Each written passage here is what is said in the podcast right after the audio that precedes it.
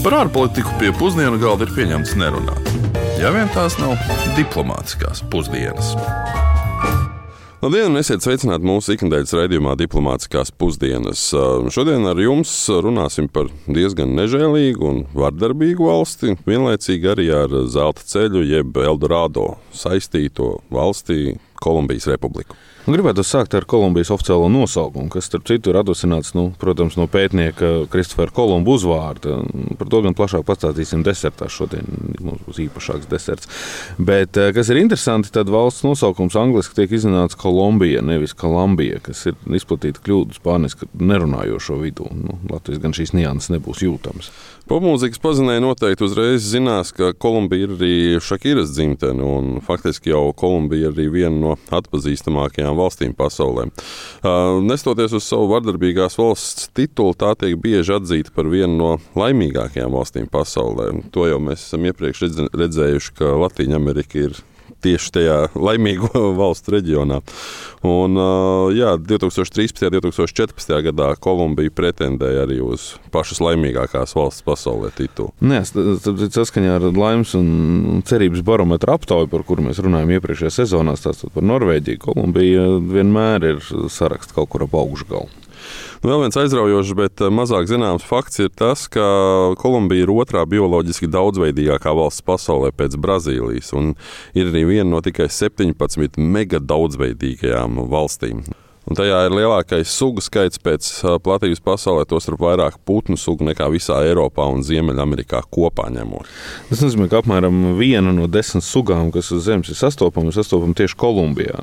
Nenlaicīgi valstī ir gan tūkstneši, gan lietus meži, gan plaši pieejams savannas, nu, kas attiecīgi ļauj attīstīties gan jebkura veida dzīvējām radībām. Vispār domāju, ka daudziem mūsu klausītājiem, nu, īpaši Netflix seriāla narkos faniem, Kolumbija būs ar daudzām lietām un faktiem zinām. Nu, piemēram, Pablo Escobar. Nu, pašreizējā valsts gan ir relatīvi tālu no dramatizētās 80. gada Kolumbijas versijas, tomēr daži seriāla elementi, protams, ir palikuši. Tad ir par to, kā valsts ekonomika un politika ietekmē arī kokaīna tirzniecība, pastāvīgie pilsoniskie nemieri un arī turismu pieplūdums. Parunāsim nedaudz vairāk pamatēdienā. Bet tagad eh, par to, ko par Kolumbiju zina mūsu iedzīvotāji meksikāņu kaut kādu seriālu, kolumbiešu. Tas pirmais, kas nāk prātā no bērnības. Tos var pateikt daudz. Pats esmu tur bijis, bet uh, Kolumbija, nē, nu, kā jau daudziem jauniešiem, gan jau asociējās ar Pablo, bet uh, ļoti skaista. Diemžēl nabadzīga valsts. Daudz kolumbieši protestē pret venecuēliešiem, kas tur ierodās. Bet, uh, tā kopumā ir brīnišķīga valsts. Valsts, kur noteikti vienam būtu jāizbrauc. Domāju. Mafija un kafija. Pirmkārt, kas asociējās ar ot, narkotikas, ot, kaut kādas kriminālās, kaut kāda karteļa. Tur. Kā arī ot, nu, kaut kāda tropiskā, nedaudz tropiskais klimats, palmas karstums, džungļi. Kokaīns. Pārsēties, ko esmu dzirdējis vairāk. Runājot par Kolumbiju, ir jāizstāsta arī par tās iekšpolitiku, kas spēlē ļoti lielu lomu valsts pastāvēšanā. Bet būtu jāsāk nedaudz ar vēsturi, jo nu, Kolumbija ir viena no trijām valstīm, kas radās pēc Grāna Kolumbijas izjukšanas 1830. gadā.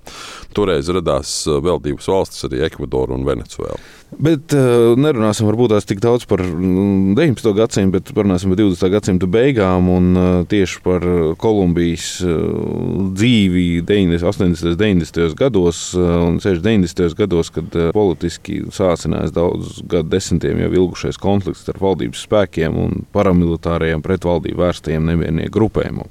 Nu, tos lielā mērā finansē narkotiku tirzniecība un slavenāko no šiem grupējumiem dēvē par Kolumbijas revolucionāriem bruņotajiem spēkiem, jeb FARC.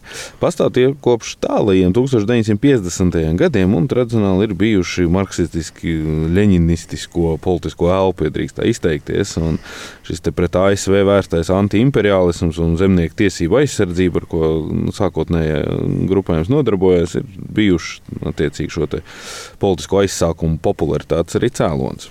Un Kolumbijas valdība tikai 2016. gada novembrī parakstīja galīgo miera līgumu ar FARA, kuras uh, biedru skaits uh, nu, ir aptuveni 10 000 cilvēku. Vienošanās aicināja FARA locekļus uh, demobilizēties, atbruņoties un no jauna iekļauties sabiedrībā un politikā arī. Nu, jāmin, ka vienošanās arī uzlika Kolumbijas valdībai pienākumu izveidot trīs jaunas institūcijas, lai nu, tādu izveidotu visaptvarošu sistēmu patiesai taisnīgai valstī, iekļaujot arī īpašu vienību, kas arī koordinētu nu, karadarbības laikā pazudušo cilvēku meklēšanu. Vēl kur pārsteidzoši, bet neraugoties uz gadu desmitiem ilgušiem iekšējiem konfliktiem un ar narkotikām saistītiem drošības izaicinājumiem, Kolumbija, nu, 49 miljonus iedzīvotāju lielā valsts, saglabā salīdzinoši spēcīgas, neatkarīgas eh, demokrātiskās institūcijas, ko raksturo arī faktiski mierīgas un pārredzamas vēlēšanas un pilsoņu brīvība aizsardzība. Bet tagad laiks ir pārunāt arī par Kolumbijas ekonomiku, jo nu, Kolumbijas ekonomika ir patiesībā ceturtā lielākā Latvijā Amerikā. Nu, Kolumbija ir arī Latvijas Amerikas ceturtā lielākā naftas ražotāja pasaulē ceturtā lielākā ogļu ražotāja, trešā lielākā kafijas eksportētāja un otrā lielākā griezto ziedu eksportētāja. Kolumbija gan ir pirmajā vietā, starp citu, smaragdu eksportā. Nu, tā apmēram 70 līdz 90% tiek rēķināts, ka pasaules smaragdu nāk tieši no Kolumbijas. Un tie Kolumbijas smaragds ir ļoti iecienīts dārgakmeņu pasaulē, jo tam ir dziļi spilgti, zaļa nokrāsa konkurējošie tuvākie tiem esot eh, tikai sastopami tikai Zambijā. Kā jau minēju iepriekš, tad nafta ir Kolumbijas galvenais eksporta produkts, kas veido vairāk nekā 45% no visa ek eksporta kopapjoma. Nu, vienlaicīgi jāsaka, ka lielu daļu šajā eksportā ieņem arī arabikas uh, kafijas pupiņas, jo Kolumbija ir lielākais šo kafijas pupiņu ražotājs pasaulē. Nē, bet vienlaicīgi valsts IKP uz vienu iedzīvotāju pēc pirktspējas paritātes ir divas reizes apmēram mazāks salīdzinot ar Latviju un ir apmēram tikai 17,000 eiro liels, ja mēs skatāmies pēc Pasaules bankas datiem. Tāpat uh, valsts ir bagāta ar dabas resursiem, tāpēc vienlaicīgi tā ir ļoti atkarīga no enerģijas un kalnrūpniecības eksporta, padarot to neaizsargātu pret uh, preču cenu svārstībām pasaulē. Nu, vai arī ļoti uh, iegūstošus. Um, interesanti, ka Kolumbijā ir arī visstraujāk augošā informācijas tehnoloģija nozara pasaulē, un tā ir arī garākais optiskās šķiedes interneta tīkls Latvijā-Amerikā.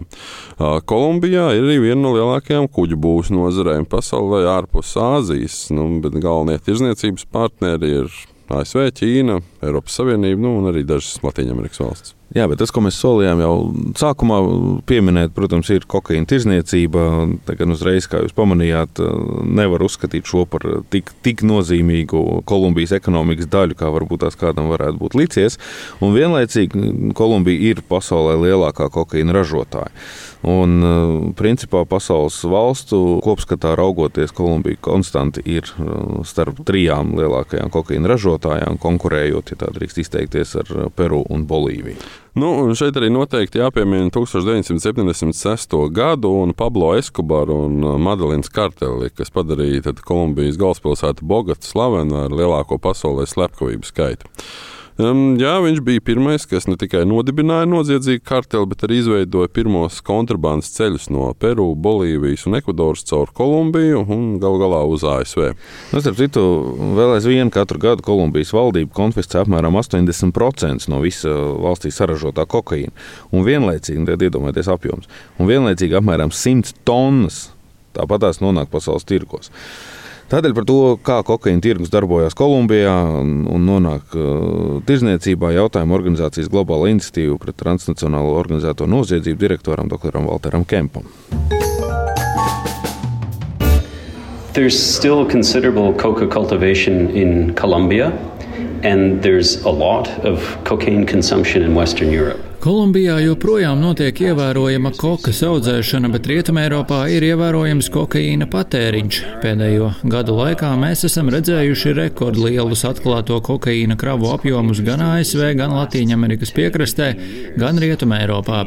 Pēdējos 10 līdz 15 gados šajās piegādes ķēdēs arvien aktīvāk iesaistās cilvēki no Rietumbalkāniem. Cilvēki parasti domā par organizēto noziedzību pašos Rietumbalkānos, taču šī problēma faktiski tiek eksportēta eksportēta.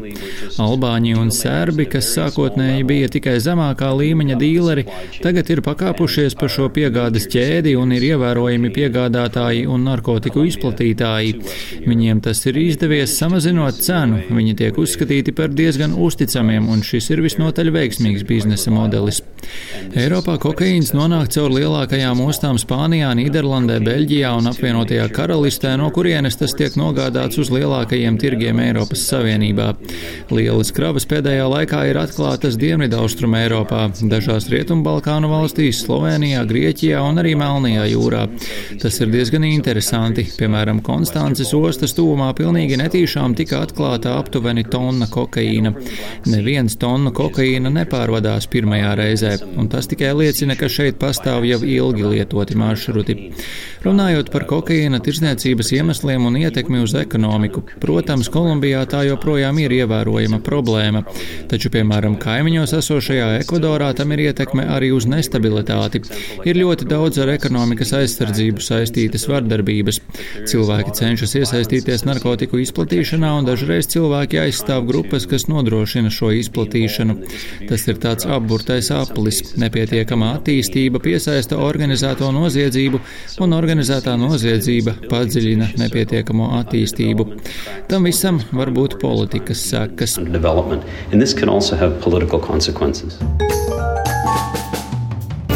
Beigās, laikam, jāsacina, ka Kolumbijas ekonomisko attīstību kavē attiecīgi neatbilstošā infrastruktūra vai nepietiekama infrastruktūra, nabadzība, ienākuma nevienlīdzība, narkotika tirzniecība un ar to saistītā vardarbība un, protams, neskaidrā šī drošības situācija.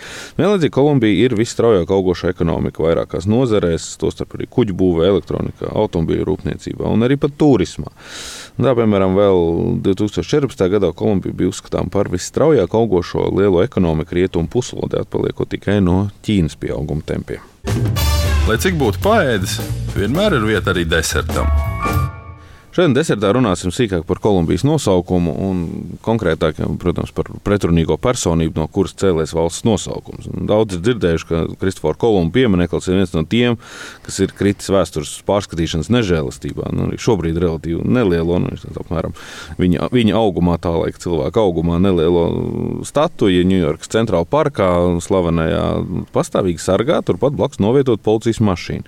Nu, to redzēja, tā arī nebija visai liela izmērga. Tas saistīts ar to, ka Itālijas Kristofers Kolumbs, kurš 1492. gadā pēdiņās, varētu teikt, atklāja Ameriku, un Spānijas valdības finansētā ceļojumā apkārt zemeslodē uz Indiju vēlāk bija arī vairāku karību salu nežēlīgs uh, gubernators.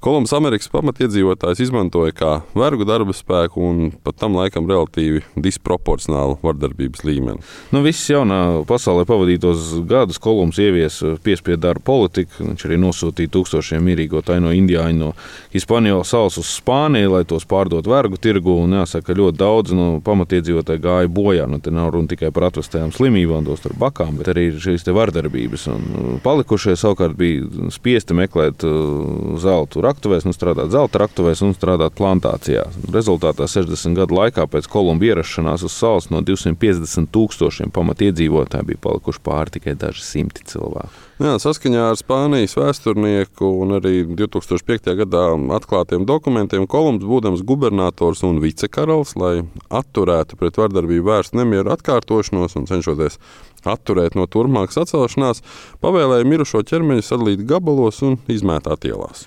Nu, rezultātā kolumbu metodēm šīs metodas izraisīja vien lielāku kritiku, un vairāk kolonisti Kolumbu iesūdzēja Spānijas tiesā, apsūdzot viņu nepareizā pārvaldībā. Tā kā iedomājieties, cik, cik vardarbīgam ir jābūt, lai priekš tā laika kādam tas liktos nu, par daudz. Nu, jā, nu, pēc tā Kolumba aizturēja un nogādāja ieslodzījumā. Un ar to viņš zaudēja arī savu gubernatoru statusu un lielu daļu savu prestižu. Nu, laikam vēlāk gan savu slavenības statusu izmantojot, Kolumbs atguva brīvību un veica savu ceturto un pēdējo ceļojumu uz jauno pasauli. Nu, un, lai gan paši kolumbieši saka, ka spāņu kultūrā Kristofers Kolumbs nav tik pretrunīgi vērtēts, atšķirībā no angliski runājošām kultūrām, runas par atgriešanos pie savu vecā valsts nosaukuma jaunā Granada, nevis Kolumbija, ik pa brīdim tomēr uzplaukst. Amerikas mācību grāmatās, vēstures mācību grāmatās ir pat bijuši idejas arī par Kolumbu vairs nemācīt. Jo, ja tā godīgi, tad ne jau nu viņš pirmais Ameriku atklāja, un ne jau īsti līdz galam par cildinām atklājēju būtu arī uzskatāms. Nu, iespējams, ka es gan domāju, domāju, ka mācīt, mācīt par personību vajadzētu, vēstures kļūdām ir jāmācās, tāpēc varbūt tās korektāk būtu saukt vienkārši viņu par Kristofors Kolumbs, ceļotājs, atklājējs un masu slepkavu.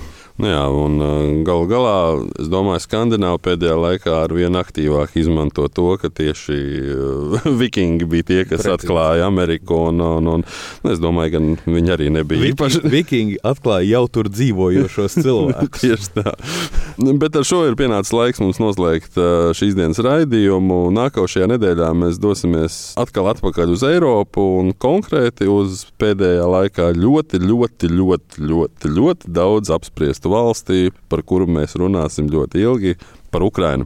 Atgādināšu tikai, ka mūsu raidījums ir klausāms gan Latvijas radio mājaslapā, gan mobilajā lietotnē, gan arī podkāstu veidā dažādās straumēšanas platformās. Kā vienmēr šo raidījumu veidojām mēs, Uģis Lībijams un dr. Kārls Bukovskis, bet eh, palīdzēja mums Aleksandra Palko un Rihards Plūma. Uz sadzirdēšanos! Lai mierīgi nedēļa! Diplomātiskās pusdienas katru otrdienu pusdienos Latvijas Radio 1.